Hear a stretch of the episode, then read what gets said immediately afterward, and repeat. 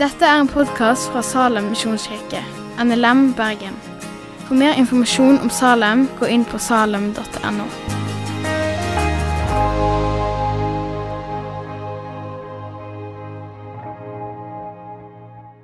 Snøen ligger 30 cm i Nord-Norge.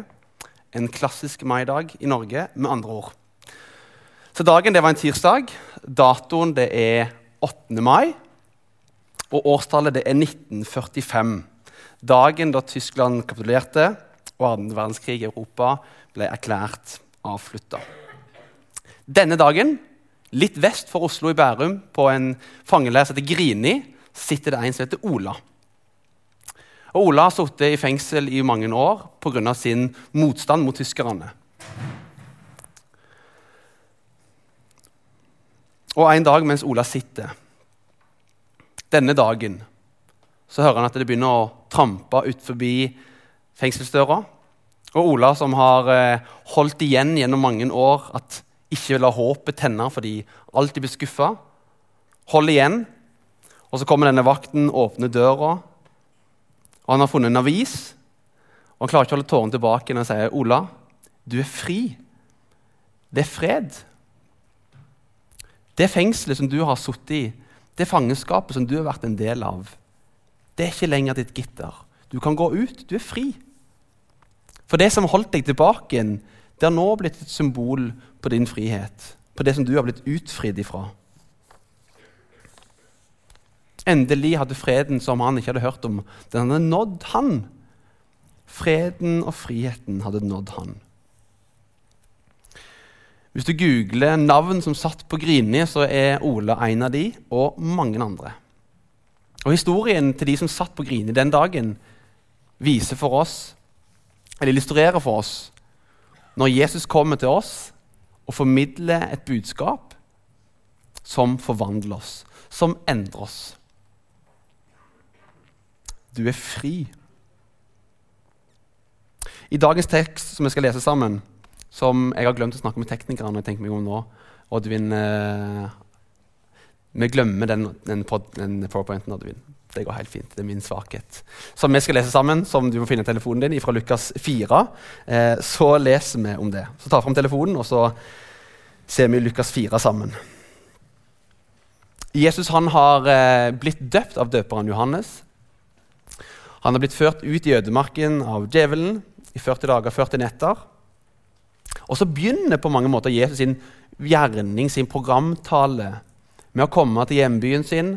Han kommer til synagogen, og så blir han tildelt en, en rull fra Jesaja, og så begynner han å forsyne ut ifra det.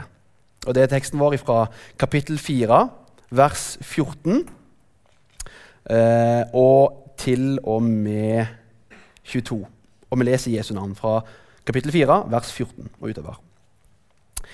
I åndens kraft Ikke der. Vers 16. Jeg lurte dere. Han kom òg til Nasaret, hvor han var vokst opp. Og på sabbaten gikk han inn i synagogen, slik han pleide. Da han reiste seg for å lese, rakte de han profeten Jesajas bok. Han åpna bokrullen og fant stedet der det står skrevet. Herrens ånd er over meg. For han har salva meg til å forkynne et godt budskap for fattige. Han har sendt meg for å rope ut at fanger skal få frihet, og blinde får syn igjen, for å sette undertrykte fri og rope ut et nådens år fra Herren. Så rulla han bokrullen sammen, rakte den til synagogetjeneren og satte seg. Alle i synagogen stirra spent på han. Han begynte da med å si, I dag er dette skriftordet blitt oppfylt mens dere hørte på. Alle roste han og undra seg over nådeordene som kom fra hans munn. Er ikke dette Josefs sønn? spurte de. La oss be. Herre, vi priser deg og ærer deg for den du er. Og vi takker deg for alt det som du har gjort for oss. Og Herre, vi kommer framfor deg og tilber deg og ærer deg. Du er hellig, du er konge, og du er herre. Og så er det barnet i krybben som vi skal få lov til å, å se fram imot nå, inn i møtet med advent. Vi ber om at denne adventstida, denne julen, ikke bare blir julestemning for oss, men at det blir Jesus for oss. For det er det det handler om. I ditt navn vi ber. Amen. Så Jesus han er kjent i synagogen. Han oppvokst som jøde. De i synagogen kjente han. Det var et bekjentskap. Kanskje det var som en av barna våre på søndagsskolen her i Salem. Noen av de eldre vet hvem de er, og de vet hvem noen av foreldrene er. En gjensidig kjennskap. Og Så kommer han, og så tar han fram denne bokrullen, eller blir gitt bokrullen. Det er ikke helt tydelig. Og så proklamerer Jesus. Et godt budskap for fattige. Og Det er ikke så lenge til jul, og da kommer Lukas 2, juleevangeliet. Og Dette er liksom ekko der gjeterne får høre fra engelen. Jeg forkynner dere en stor glede. En glede for hele folket. Hm. De neste fire helgene skal vi ha en, en kort taleserie som heter 'Come, let us adore him'. Derav sikkert sangen i dag. Eh, og det er ikke en julestemningssang. Det handler om å, tilbe han, ære han, elske han, beundre han. Julen handler om å være glad, ja. Og jeg tror mange er glad i jula, og det er mye å være glad i. Men jeg tror, og vi tror at den grunnleggende gleden er den gleden som Jesus gir oss gjennom jula. Gjennom de gode nyhetene som kommer ved Jesus sitt komme. Og Nå skal vi se på tre ting sammen. Eh, det første ut fra teksten er 'Fanger skal få frihet'. Det er gode nyheter for meg og deg. Blinde skal få syn igjen. Det er gode nyheter for meg og deg. Og det skulle ropes ut et nådens år fra Herren. Det er òg gode nyheter for meg og deg. La oss se på det første. Fanger skal få frihet. Ola han var satt i, på Grini i fysisk fangenskap. Jeg tror når Jesus snakker inn i det her, at han snakker også fysisk. Ja, folk blir satt fysisk fri. Men jeg tror det òg handler om åndelig eller emosjonelt fangenskap. For jeg tror det er ganske mange, i hvert fall meg sjøl, som er fanga eller bonden av ting i livet. Ting som holder oss tilbake igjen. Et eksempel som ikke er så jeg, sånn harsh å snakke om, ta tilbedelsen. Vi snakker ofte om at vi vil at folk skal være fri til å gjøre det de vil. Kanskje hvis alle står, at du egentlig ikke har tenkt deg å sitte, men du står fordi alle andre gjør det. Har vi tvangstrøyer i møte med tilbedelsen? Eller kanskje du er på en gudstjeneste der alle sitter, men du egentlig vil stå og løfte hendene. Eller kanskje du til og med vil knele, men du tør ikke fordi ingen andre gjør det rundt deg. Er tilbedelsen vår fri? Er jeg fri i tilbedelsen? Er du det? Holder vi tilbake igjen? Har du blitt utfordra til en kristen tjeneste en gang, og så har du tenkt jeg kan ikke si ja til det, jeg som er så syndig som det jeg er? Jeg er ikke verdig til sånn tjeneste. Jeg har i hvert fall gjort det. I Johannes 8 så sier Jesus for Sønnen frigjort dere, da er dere virkelig fri. Og ta konkret dette med tilbedelsen. Vi jager ikke at folk skal stå og løfte hendene nødvendigvis. Hva jager vi etter da? Vi jager etter det som er ekte. For hvis det er ekte for deg å tilbe Jesus mens du står og løfter hendene eller er på kne, da er det det vi jager etter. Men hvis det er ekte for deg å sitte, kanskje holde ut hendene og bare være med og bare lytte til tilbedelsen som skjer rundt deg, så er det det vi jakter etter. Vi ønsker at det skal være frihet. Og Jesus ønsker å sette mennesker i frihet. Ja, for menneskefrykt, for synd som vi står i, rent sånn åndelig eller emosjonelt. Men jeg tror det òg handler om fysisk frihet. Fysisk fangenskap sitter så mange folk i fangenskap i dag. Så på nyhetene for uh, denne uka Se hvor gammel jeg er å se på nyhetene på TV, men det blir en annen samtale. Russiske fanger som er i fangenskap i Ukraina nå. Folk som er i fangenskap fordi de forfulgte kristne. I Midtøsten nå, kanskje ikke i fengsler, men de er i sitt fangenskap. Og vi kan ikke love å si at uh, du skal bli fri her og nå. Men vi vet at en dag det er det advent handler om, å se fram imot Jesus komme tilbake igjen. En dag så vil det ikke være behov for fengsel, det vil ikke være behov for fangenskap. Og vi skal få lov til å være helt fri. For Sønnen frigjort dere, da er dere virkelig fri. Ok, Jesus kommer og sier fanger skal få frihet. Hva betyr det for meg og deg? Hva betyr det for meg og deg? Jeg vet at mange av oss er bonden av ting. Ting som holder oss tilbake igjen. Enten menneskefrykt eller av synd. Og Kanskje du er som meg, og i hvert fall sånn som jeg hadde for en stund tilbake, en konkret synd som hindrer meg i denne nære relasjonen til Jesus, som jeg så gjerne skulle hatt. Men så hadde denne synden som hang ved meg hele veien, og gnaga på meg hele veien. Jeg var bonden av det. Jesus er kommet for å rope til meg og deg. Fanger skal få frihet. Du skal få frihet. For Sønnen frigjort dere, da blir dere virkelig fri. For Sønnen frigjort dere, blir dere virkelig fri. Jeg har sagt før at I 2015 så hadde jeg en omvendelseserfaring. Fikk lov til å ta imot Jesus på nytt og følge han helt og fullt. Før det i korte trekk, så var jeg sammen med, i et forhold som ikke var så bra for meg. i hvert fall. Jeg hadde ikke sterk nok karakter til å bære det. Og Uten å ta hele denne historien, og så i respekt for dere og for eh, den andre personen, så var ikke et forhold som var bra for meg. Folk merkte det på meg. Det begynte å bli mer og mer lik min syndige natur. Ble kortere med mamma, og jeg holdt på å miste en del av mine nærmeste relasjoner. Ved Guds nåde så kom Jesus inn i mitt liv akkurat tidsnok til at ikke de relasjonene ble ødelagt for godt. Og Jeg er så glad for at Jesus kom inn i det tidspunktet der. Men i halvåret før så prøvde jeg å komme fri, fordi jeg, jeg kjente at jeg trengte det. selv om jeg syntes det var vanskelig. For dere, de av oss som har vært gjennom et brudd, vet hvor vanskelig det kan være å gå til det, gå til det skrittet. Kjempetungt. Og så husker jeg jeg måtte slå opp med hun, og så er jeg ikke stolt av måten det var, ble gjort på. Jeg måtte bare få det gjort. Det var, liksom, det var litt kaldt og litt kjølig, og jeg angrer litt på det i dag, men jeg trengte å bli fri fra det. Og Jeg var en person som hørte masse på lovsang før. Den har blitt helt glemt. Kongen min heter den. Og når jeg kjører ifra det bruddet, så helt automatisk så finner jeg fram lovsangslista mi. Hadde en ganske tøff BMW med sånn lavprofildekk og uoriginal girkasse og Wonderbound i speilet og ymse greier i ulike skuffer. og sånn. Det var et annet liv, da. Eh, og så eh, og så finner jeg fram låsingslista mi. Digital skjerm og greier. det var mye greier. Eh, og så setter jeg på den helt uten å tenke meg om. Og så merker jeg bare hvordan freden senker seg. Å kjøre derfra Det var en helt vanlig søndag, egentlig. Men jeg kjente på en enorm frihet. En enorm fred. Og kunne egentlig ikke forklare det. Men når jeg ser tilbake på det i bakspeilet i livet, så ser jeg at men Gjermund, jeg var jo bonden.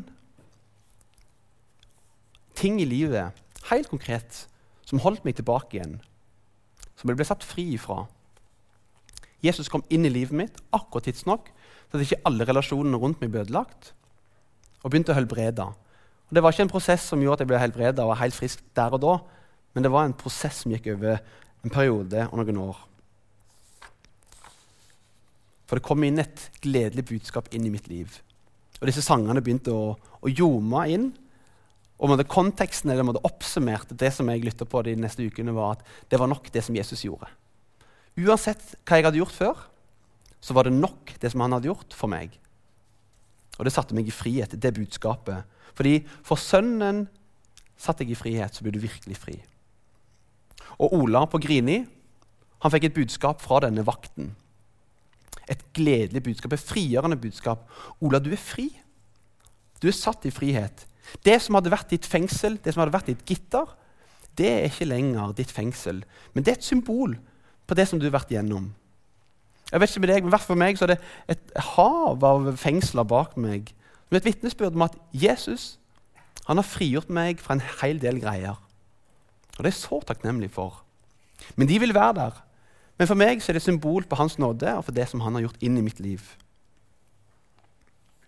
Og så tenkte jeg litt på meg og deg. Jeg har jo litt samtaler med noen av dere. og Jeg er jo egentlig helt lik dere, bare at jeg står her og dere sitter der. Og vi sliter med ting som holder oss tilbake igjen. Konkrete ting, synder som holder oss tilbake igjen. Tenk om du kunne blitt fri ifra det. Jeg ba om det i dag. Jesus, vi ser at du setter folk i frihet. Vi leser i teksten vår foran oss i dag.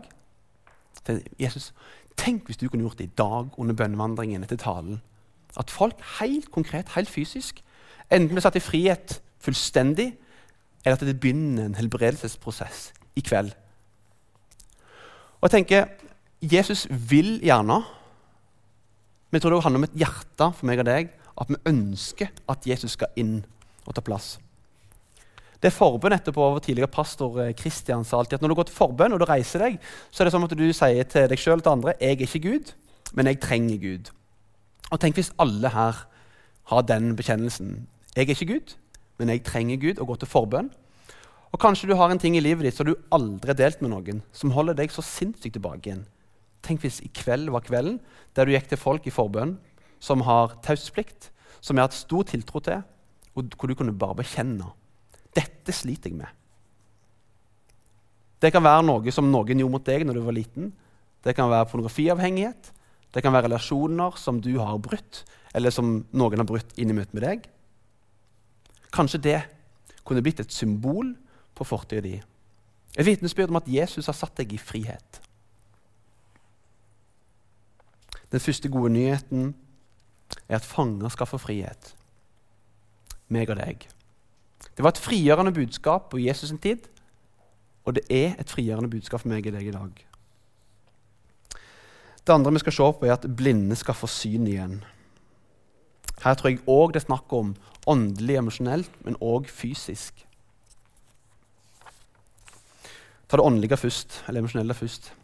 Jeg tror mange av oss, i hvert fall med meg, er åndelig blinde. Jeg er så ofte åndelig blind for det som handler om Guds rike å gjøre. Hva er det som rører seg? Hva mennesker eller muligheter er det Gud gir meg? Og så er jeg helt forblinda av min egen egoisme. At jeg ikke ser at folk trenger hjelp rundt meg. Og jeg tror vi trenger å få syn opp igjen, fordi jeg trenger det. Ta for eksempel menneskehandel. Bryr vi oss? Forfulgte kristne bryr vi oss. Klimaendringer eller sidemannen din som kom her i dag helt alene. Bryr vi oss egentlig? Trenger vi å få opp igjen synet for mennesker rundt oss, og for ting som skjer utenfor veggene våre. Og så har jeg ikke lyst til å skape dårlig samvittighet, fordi fordelen med å være et folk her inne er at vi kan ha ulike gaver. Så det kan være noen som er gode til å jobbe imot menneskehandel, noen som er gode til å se mennesker. Men sammen så ser vi, kan vi se alle mennesker og bidra ut i verden. Det andre med åndelig blindhet kan være sånn blindsoner som jeg og deg har. Og Derfor trenger vi noen åndelige veiledere eller folk du stoler på i smågrupper. Sånn kan være med og vise deg at du har en blindsone, hvis ikke du ser det sjøl.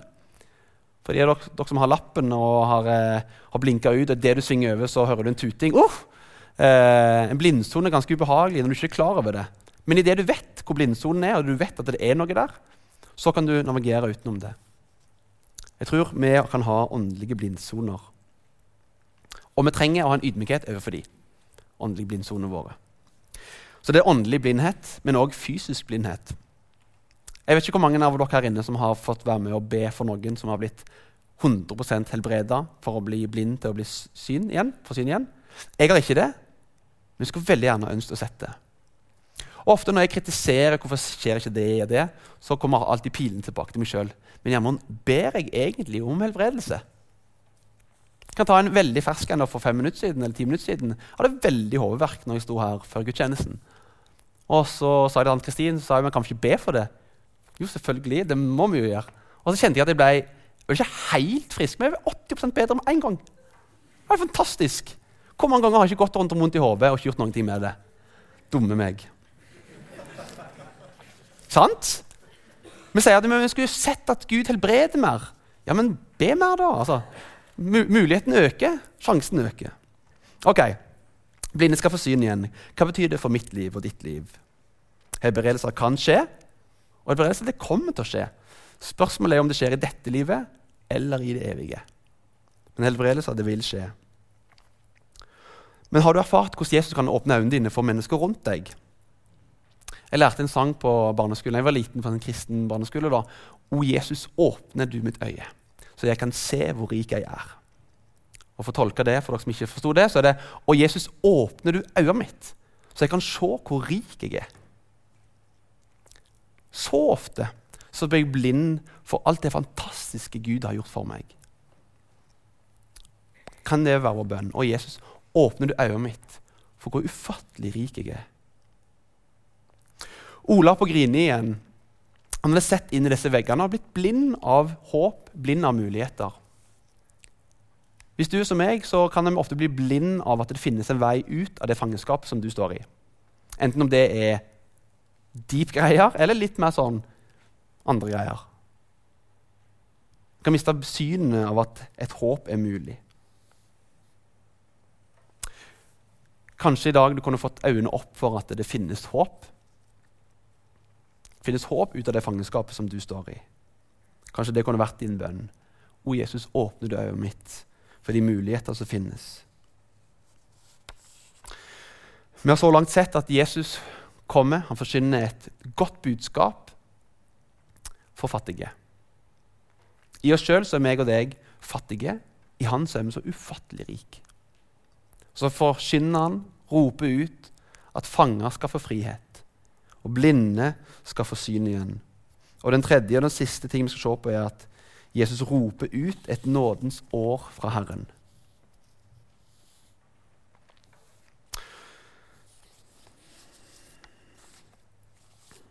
Det var ikke et nytt kalenderår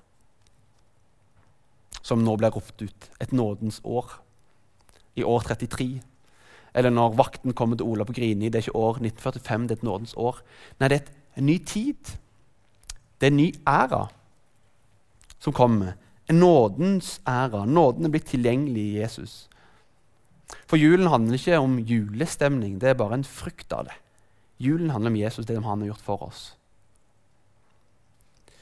Og til deg som har tatt imot Jesus i høst, eller i løpet av året, eller til deg som fremdeles er på søken, eller til deg som føler deg som den mest lunkne kristen som det finnes, men du er nå i hvert fall her, og til de av oss som har fulgt Jesus en god stund og snubler og faller hver eneste dag. Vi er egentlig i samme båt alle sammen. Til meg og deg. Så når Jesus kommer inn i livene våre, så begynner det òg en ny nådens tid i ditt liv. Ja, det ble en nådens tid når Jesus ble født i år null. Som vår lovsleder Sara Lene har også skrevet, som ble tipsa om en annen sang tidligere i dag. Men verden ble aldri den samme. Tenk det. Verden ble aldri den samme når Jesus ble født. Men det skjer en ny gjenfødelse i deg når du sier ja til Jesus. Jeg vil ha deg inn i mitt hjerte. Da skjer det òg en ny start hos deg. Da skjer det et nådens år, en nådens tid, i ditt hjerte. Enten om det allerede har skjedd, eller om det skjer i kveld eller en annen kveld. Det er nådens tid. For når Ola hørte dette budskapet om fred, om frihet, så gikk han ut i et fredsår i 1945. For de av oss som nå har levd etter det, vet at Ola gikk inn i en fredstid i Norge som har vart i mange år. En permanent tid fylt av frihet og fred. Og for å ta det inn i det åndelige vi har gått inn i en sånn type tid, fylt av nåde. Og det er nådens tid for meg og deg. Hva betyr dette for oss at Jesus forkynner at det er et nådens år? Du lever i nådens tid. Dette er dagen som Herren har gjort. Dette er dagen for gode nyheter. Dette er året. Dette er tiden.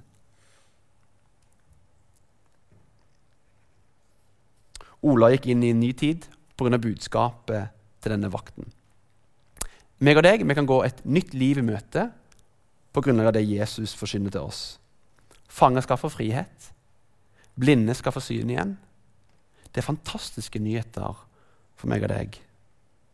Og Når du får kjenne og du får erfare hvordan denne friheten påvirker deg, preger deg, og det skjer uavhengig av deg, kun pga. det Jesus har gjort for deg, så får du erfare og nikke ja, det er et nådens år i mitt liv. Kanskje vanskelig, sånn håndterbar ord. Men Jesus gir meg nåde. Ufortjent og gratis.